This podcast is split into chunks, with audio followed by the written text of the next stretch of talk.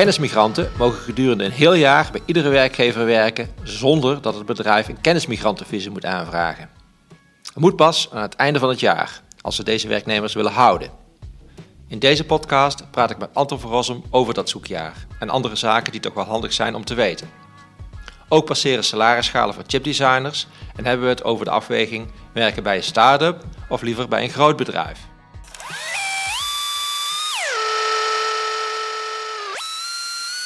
Nou, eh, schrijf je dus al 20 jaar, ruim 20 jaar columns voor uh, Bits and Chips. Ja. Daarin behandel jij vaak heel eh, persoonlijke vragen. soms weten mensen niet eens goed met hun woonsituatie om te gaan. Of moet je ze zelfs adviseren over, ja. over hun woon-werkverkeer. Ja. Dus komen met privéproblemen bij jou.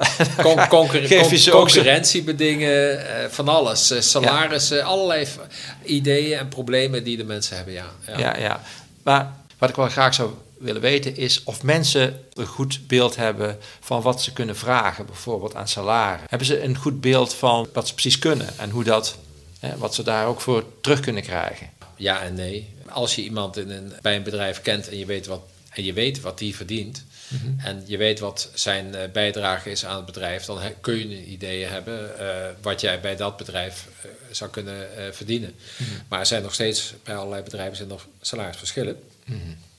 Je hebt natuurlijk wel uh, een soort marktleider, dat is eigenlijk Philips en zijn uh, opvolgers, laat ik het even zo noemen. Alles wat uitgespind is van Philips heeft een bepaalde salarisstructuur. En met een dertiende maand en vakantiegeld en met een bepaald arbeidsvoorwaardenpakket. Dat is nog steeds de, de, de, het hoogst haalbare qua salaris in Nederland? Nee, dat zeg ik niet. niet. Dat, is een soort van de, dat is een beetje zo de ijzeren standaard. De ijzeren standaard? Dat is een beetje de ijzeren standaard, maar dat is niet de hoogst haalbare. Oké. Okay. Dat, uh, zou ik beslist uh, ontkennen. Ja, en waar zit dan het hoogst haalbare?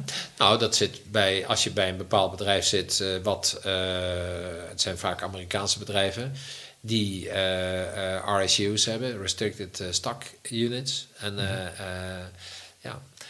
Kijk, en dat zijn een, een, een, een soort uh, opties? Ja, maar die, die, die, die, die, die vesten om, om, om de zoveel tijd. Maar kijk, als een bedrijf het gewoon heel goed doet en je krijgt, uh, voor, uh, krijgt van niks, krijg jij opties die op dat moment nog niet zoveel waard zijn, maar tegen de tijd dat ze uitgeoefend kunnen worden wel. Ja, dan kun je gewoon je salaris mee verdubbelen. Ja. En dat is sowieso, zeg maar, die hele financiële component, die speelt natuurlijk gewoon binnen de chipindustrie. En niet ieder bedrijf heeft RSU's, want daarvoor moet je ten eerste al aan de beurs genoteerd zijn. Ja, maar dat zijn dan typisch, het zijn natuurlijk ook wel Nederlandse bedrijven, maar meestal Amerikaanse bedrijven. Uh, uh, nee, maar dat geldt ook wel over, voor Europese bedrijven. Kijk, NXP heeft dat ook. Mm -hmm. Maar goed, dat geldt niet voor iedere ingenieur. Kijk, het is, uh, kijk dat, dat, niet iedereen krijgt dat op aangeboden. Nee, dat is, ja goed, bij, hoe dat er precies zit bij, uh, bij, bij NXP weet ik niet. Maar, Alleen cruciale posities.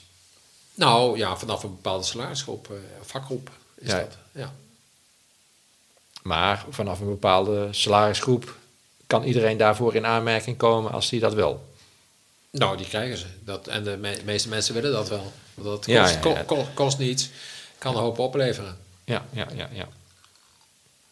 Dus er zijn een hoop verschillen tussen die bedrijven. Er zijn uh, tussen die bedrijven gigantische verschillen. Jazeker. En dat is ook juist waar dat men uh, op concurreert op de arbeidsmarkt. Ja. Kijk, het, het is ook uh, die golden handcuffs, die belemmeren mensen dus ook. Ja. dus echt heel concreet en heel serieus. Ik heb nu net een column, geloof ik, geschreven over een um, manager van een bedrijf die eigenlijk wel toe was aan weer wat anders. Ja maar die niet kan overstappen, omdat het hem gewoon ja, een paar ton kost. kost. Want bedoel, hij kan die aandelen, ja goed, of hij is gewoon alles kwijt. Ja.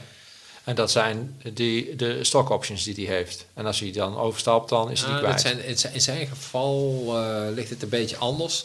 Omdat het een bedrijf is wat uh, in een LBO-situatie gebruik heeft gemaakt van een... Uh, LBO is? Een leverage buyout. Ja gebruik gemaakt heeft van een venture capitalist, een visie, een, eh, een uh, financier. Zij hebben uh, een contract, hebben ze daarbij. Goed, uh, goed ik hm. kan het helemaal tot in details gaan uitleggen hoe dat zit. Maar in ieder geval, het komt erop neer dat hij heeft aandelen. En die aandelen zijn heel veel geld waard. Maar als hij het bedrijf verlaat, dan beslist het bedrijf of hij een good lever of een bad lever is. Dan, eh, dat is wel erg willekeurig. Nou goed, je kunt je natuurlijk voorstellen dat als iemand een greep in de kas heeft gedaan, dat hij dan uh, een badlever is. Ja. Hè? Maar als die eh, gewoon eens een keer wat anders wil gaan doen, is hij ook een badlever volgens het bedrijf. Want zij willen niet dat hij weggaat. Ja. Hij moet blijven. En hoe lang? Nou, dat staat, staat niet eens in het contract. Dus hij is gewoon geketend. Mhm. En uh, uh, hij kan natuurlijk zeggen, nou, ik, ik vertrek toch. Maar dan ziet het dus gewoon wel, uh, kijk, die waarde is heel concreet een miljoen. Ja, ja daar heb je het wel over een bedrag, ja. Dan, dan is hij dan kwijt. Ja. Als hij nou blijft, hè, en als nou die en die met pensioen gaat over vijf jaar... en dan tegen die tijd misschien dat hij zou kunnen vertrekken. Misschien, ook niet eens nou ja, dat is geen, dat is geen enkele garantie gegeven. Nee. Ja, maar is dan, het is heel vaag. Het is heel vaag. Dus iemand is, heeft eigenlijk een, een, een, een voorwaardes, voor voorwaarden getekend die heel erg vaag zijn. Ja, iemand heeft daar zelf voor getekend. Ik, bedoel, ik, heb, ik heb tegen de man gezegd: uh, van goh, uh, jij wil zo graag uh, deze functie hebben, maar waarom heb je daar dan voor getekend? Hij zei van ja, ik heb op dat moment gewoon niet gerealiseerd dat dit, de, dat dit beding dat inhoudt good lever, of je als good lever of bad lever, dat dat een heel groot verschil uitmaakt. Want hij denkt ook van ja, goh, kijk, als ik nou uh, hier een wanprestatie ga leveren en ik word eruit gegooid, ja, dan zal ik wel een bad lever zijn. Ja. Maar ik heb hier uh, geweldige dingen gedaan. Ik heb de omzet uh, helpen groeien, of la laten verdubbelen. Ik heb gezorgd voor de acquisitie van dat bedrijf. Ik ben nu bezig met de acquisitie van dat bedrijf, et cetera. Dus iedereen is hartstikke blij met mij. Dan mag ik toch ook wel een keer gaan? Nee, nee, dan moet je blijven. Nee. Maar wat, dan ben je bij het leven. Maar dat wat, heeft wat voor een les moeten die mensen hier nou uittrekken? Dat nou, is gewoon dat, ze moeten, moeten weten waarvoor, waarvoor ze tekenen. Ja, dus. maar dat geldt in principe in het hele leven natuurlijk. Als je een hypotheek uh, uh, sluit, dan moet je ook even goed realiseren waar je mee bezig bent. Ja. En, of een lening of uh, wat dan ook. Eigenlijk alles wat met uh, geld en uh, je werk te maken heeft, moet je gewoon goed weten waar je mee bezig bent. Hm. Het is gewoon zo. Ik hoorde gisteren wel weer een, een bijzonder verhaal, dus althans, dat er een bedrijf is dat als je daar binnen vijf jaar vertrekt, dat is een heel groot Amerikaans bedrijf in Duitsland, maar als je er binnen vijf jaar vertrekt, dan ben je je pensioen over die, wat je hebt opgebouwd over die jaren kwijt. Nou, fijn. Dat is een soort van retention. Uh, en dat hè, dus staat in het contract? Ja, dat kan ik. Dat, uh, goed, ik heb, ik heb tegen die man gezegd: uh, van, goh, stuur je contract even op. En ik zal eens even kijken of dat wel geldig is. Volgens mij is dat helemaal niet geldig. Mhm. Ja, nou ja, goed, dan kun je dan nog een keer, maar dan moet je daar dus dan al, al over gaan procederen. Ja.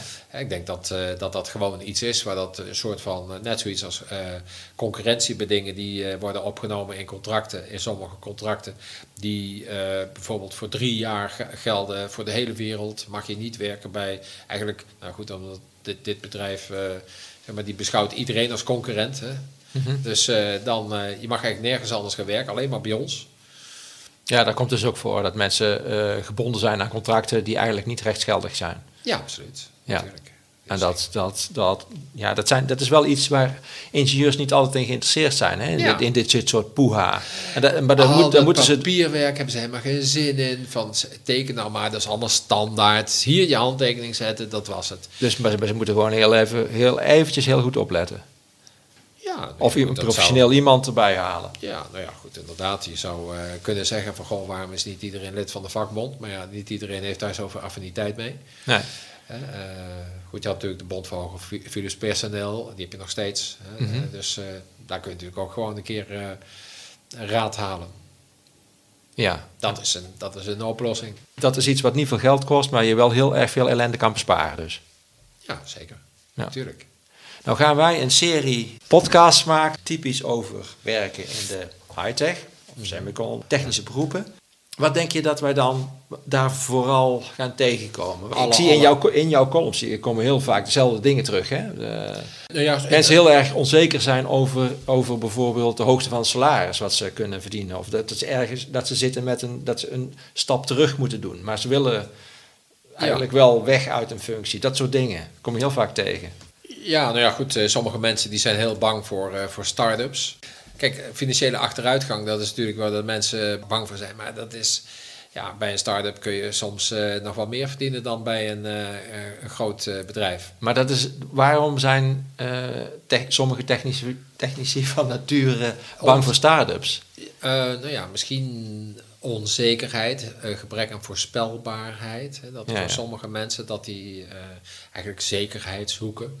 Ja, moeten ze dat dan nu ook niet gewoon doen? Moeten ze dan niet gewoon naar een bedrijf net als NXP of Philips? Of? Ja, maar weet je, de grap is dat... Uh, goed, ik ben natuurlijk bij heel veel start-ups betrokken geweest in het verleden. En uh, ik heb heel veel mensen geprobeerd te werven bij Philips voor Greenpeak. Dat is al jaren geleden. Mhm. Maar sommige mensen die zeiden van... ja, maar dat is veel te onzeker. Nou ja, weet je, Greenpeak bestaat nog steeds. En zij zijn een paar jaar later gewoon bij Philips ontslagen. dus in 2008, 2009, 2010, 2011, 2012, 2013, 2014, et cetera. Dus ik noem het even Philips, maar dat was dan NXP. Uh, eh, en, en zijn opvolgers uh, uh, Trident Microsystems en uh, ST Ericsson, uh, wat helemaal niet eens meer bestaat. Hè, wat ja, Trident, daar zijn de multimedia chips naartoe gegaan en ST, ST uh, ja. Ericsson, daar zijn, gingen de mobiele... Precies, precies. Ja, en allerlei onderdelen die NXP heeft verkocht, dat het... Nou goed, uiteindelijk, dat geldt natuurlijk niet voor Ampion, want die doet het wel goed en, en Xperia doet het natuurlijk ook heel goed. Ik kijk uit naar onze gesprekken. Ja. Gaan we lukken volgens mij. Nou, dat gaat zeker lukken. Uh, ja, ik hoop ook dat het leuk is. En ik denk ook niet uh, dat, kijk, als ik uh, alleen maar over financiën had geschreven de afgelopen twintig jaar, dan hadden ook niet zoveel, zoveel mensen dat gelezen. Maar het gaat ook over hele bizarre dingen die mensen is overkomen.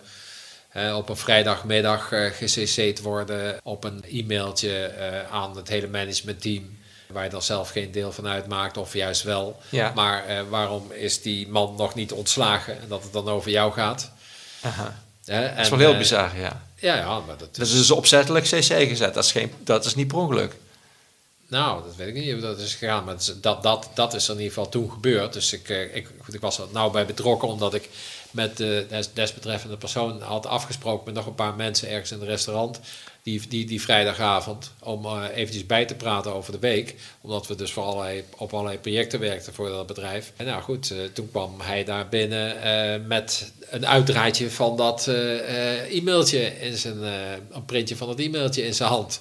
Wat hij moest doen. En daar heb ik toen een column over geschreven. Ja. En twee weken later was er weer een heleboel gebeurd.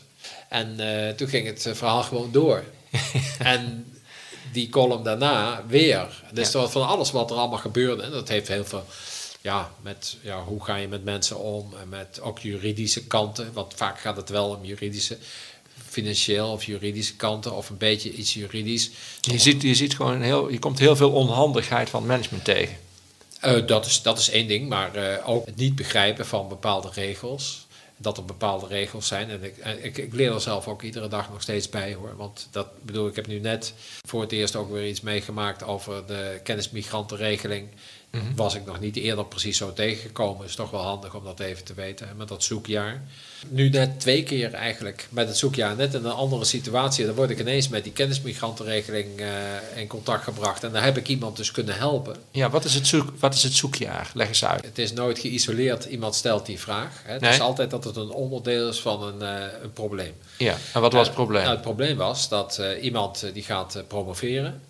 En uh, goed, mijn vorige column was iemand die uh, werkte bij een, uh, werkte nu twee jaar bij een bedrijf, mm -hmm. een Amerikaans bedrijf. Hij was nu was hij 30 of 31 op dat moment. Hij werkte al twee jaar en de, de, het bedrijf werd gereorganiseerd en hij moest een nieuwe baan gaan zoeken. Mm -hmm. Nou, hij was kennismigrant, hij kwam uit India en nu keek hij dan uh, naar de criteria, want hij had ergens gesolliciteerd en toen zei de HR-manager of die recruiter, die zei goh, uh, hoe oud ben je? Oh, je bent 31. Oh, maar dan moet je dus zoveel gaan verdienen bij ons. Ja. En want dat is namelijk een ander salariscriterium voor mensen onder de 30 dan van boven de 30. En dat ja. scheelt behoorlijk. Ja. En dat scheelt wel 15 uh, mil of zo, of, of nog mm -hmm. meer ja, daardoor uh, was hij onaantrekkelijk voor dat bedrijf waar dat hij gesolliciteerd had.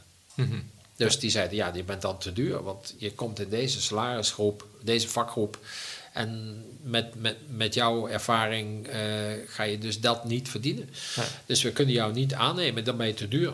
Ja. En dat hoor ik dus heel vaak. Mm -hmm. dus uh, dit argument.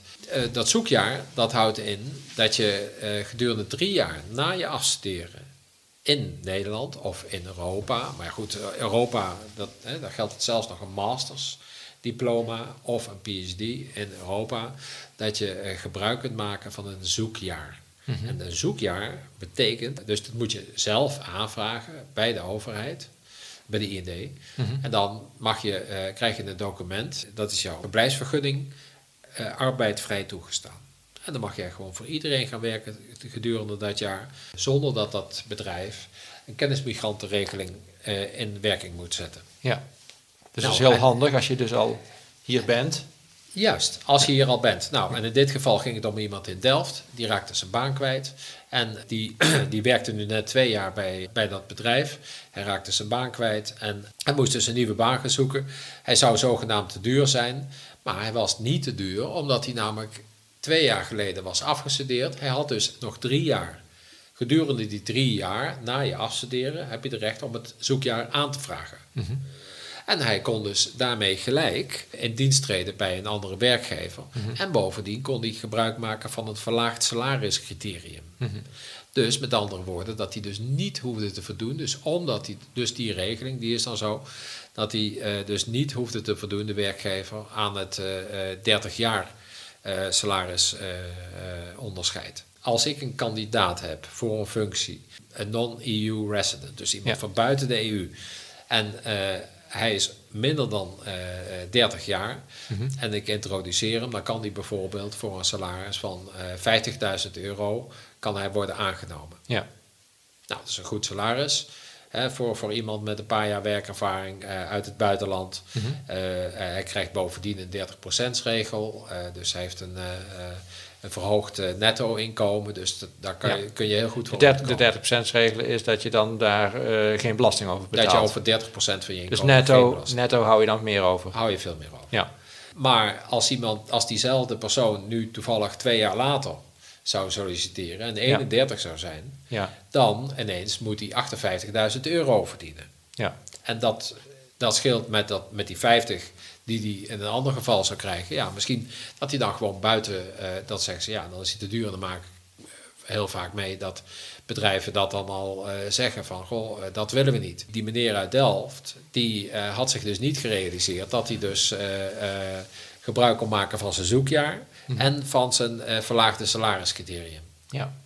Nou ja, dat is punt 1. Maar nu maak ik, uh, net in een ander geval maak ik weer mee, dat iemand zichzelf niet bewust was van het zoekjaar. Hmm. dus die moest eigenlijk, ja goed, tenminste, de precieze implicatie daarvan. Houdt, het, eigenlijk houdt het alleen in dat je gedurende een jaar bij iedere werkgever mag, werken, maar dat jij wil, zonder dat het bedrijf jou moet, uh, voor jou een kennismigrantenvisum uh, moet aanvragen. Hmm. Dat moet pas aan het einde van het jaar, als, je dan, als ze jou willen, willen houden, dan moeten ze dat wel doen. Maar dan moeten ze dus ook erkend referent zijn. Hm. Maar als dus een bedrijf geen erkend referent is en uh, een uh, non-EU resident uh, wil aannemen, dan kan dat hm. als die gebruik maakt van dat zoekjaar. Ja. Want hij mag dan gewoon voor jou komen werken, net als iedere andere EU-burger. Maar dat betekent wel dus na dat jaar, dan moet dat wel gebeuren. En dan moet dus het bedrijf moet wel wat papierwerk gaan organiseren om dat voor elkaar te krijgen. Ja.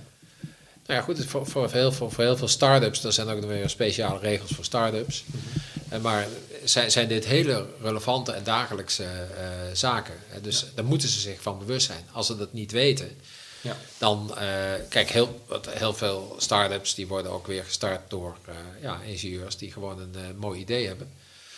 Maar niet noodzakelijkerwijs helemaal zijn ingevoerd op al die regelgeving en uh, eh, WBSO en allerlei andere zaken. Maar dat is natuurlijk ook nogal gedoe om dat allemaal uit te gaan zitten eh, zoeken. Is het ook, dan kun je beter iemand eh, in de arm nemen. Ja, ja klopt. Maar uh, die moet je dan wel in de arm nemen. Want als je dat niet doet, als je daar geen gebruik van maakt, dan doe je zelf tekort. En dat geldt gewoon eigenlijk de, hele arbeidsrechtelijke gebeuren ook. Hè? Want er, zijn ook weer, er is nieuwe wetgeving. Die is mm alweer een paar jaar oud nu inmiddels. Maar ja, als je daar niet van op de hoogte bent, ja, uh, dat kost geld. Ja. En, uh, over het algemeen hebben, uh, is er één ding wat start-ups niet in de overvloed hebben. Dat is geld. Dat is geld, ja. ja. Dit was weer een aflevering van The Headhunter, een maandelijkse podcast van mezelf, René Rijmakers en Anton van Rossum. We zullen ons in het vervolg beperken tot 10 minuten en daarin een onderwerp of case per podcast behandelen. Nou, dat wordt vast even gezellig, maar vast veel overzichtelijker voor jullie luisteraars. Oh ja, nog iets. Als je de Headhunter interessant vindt, of je vindt dat je collega's of relaties deze podcast ook moeten horen, deel het dan in je netwerk. Alvast bedankt.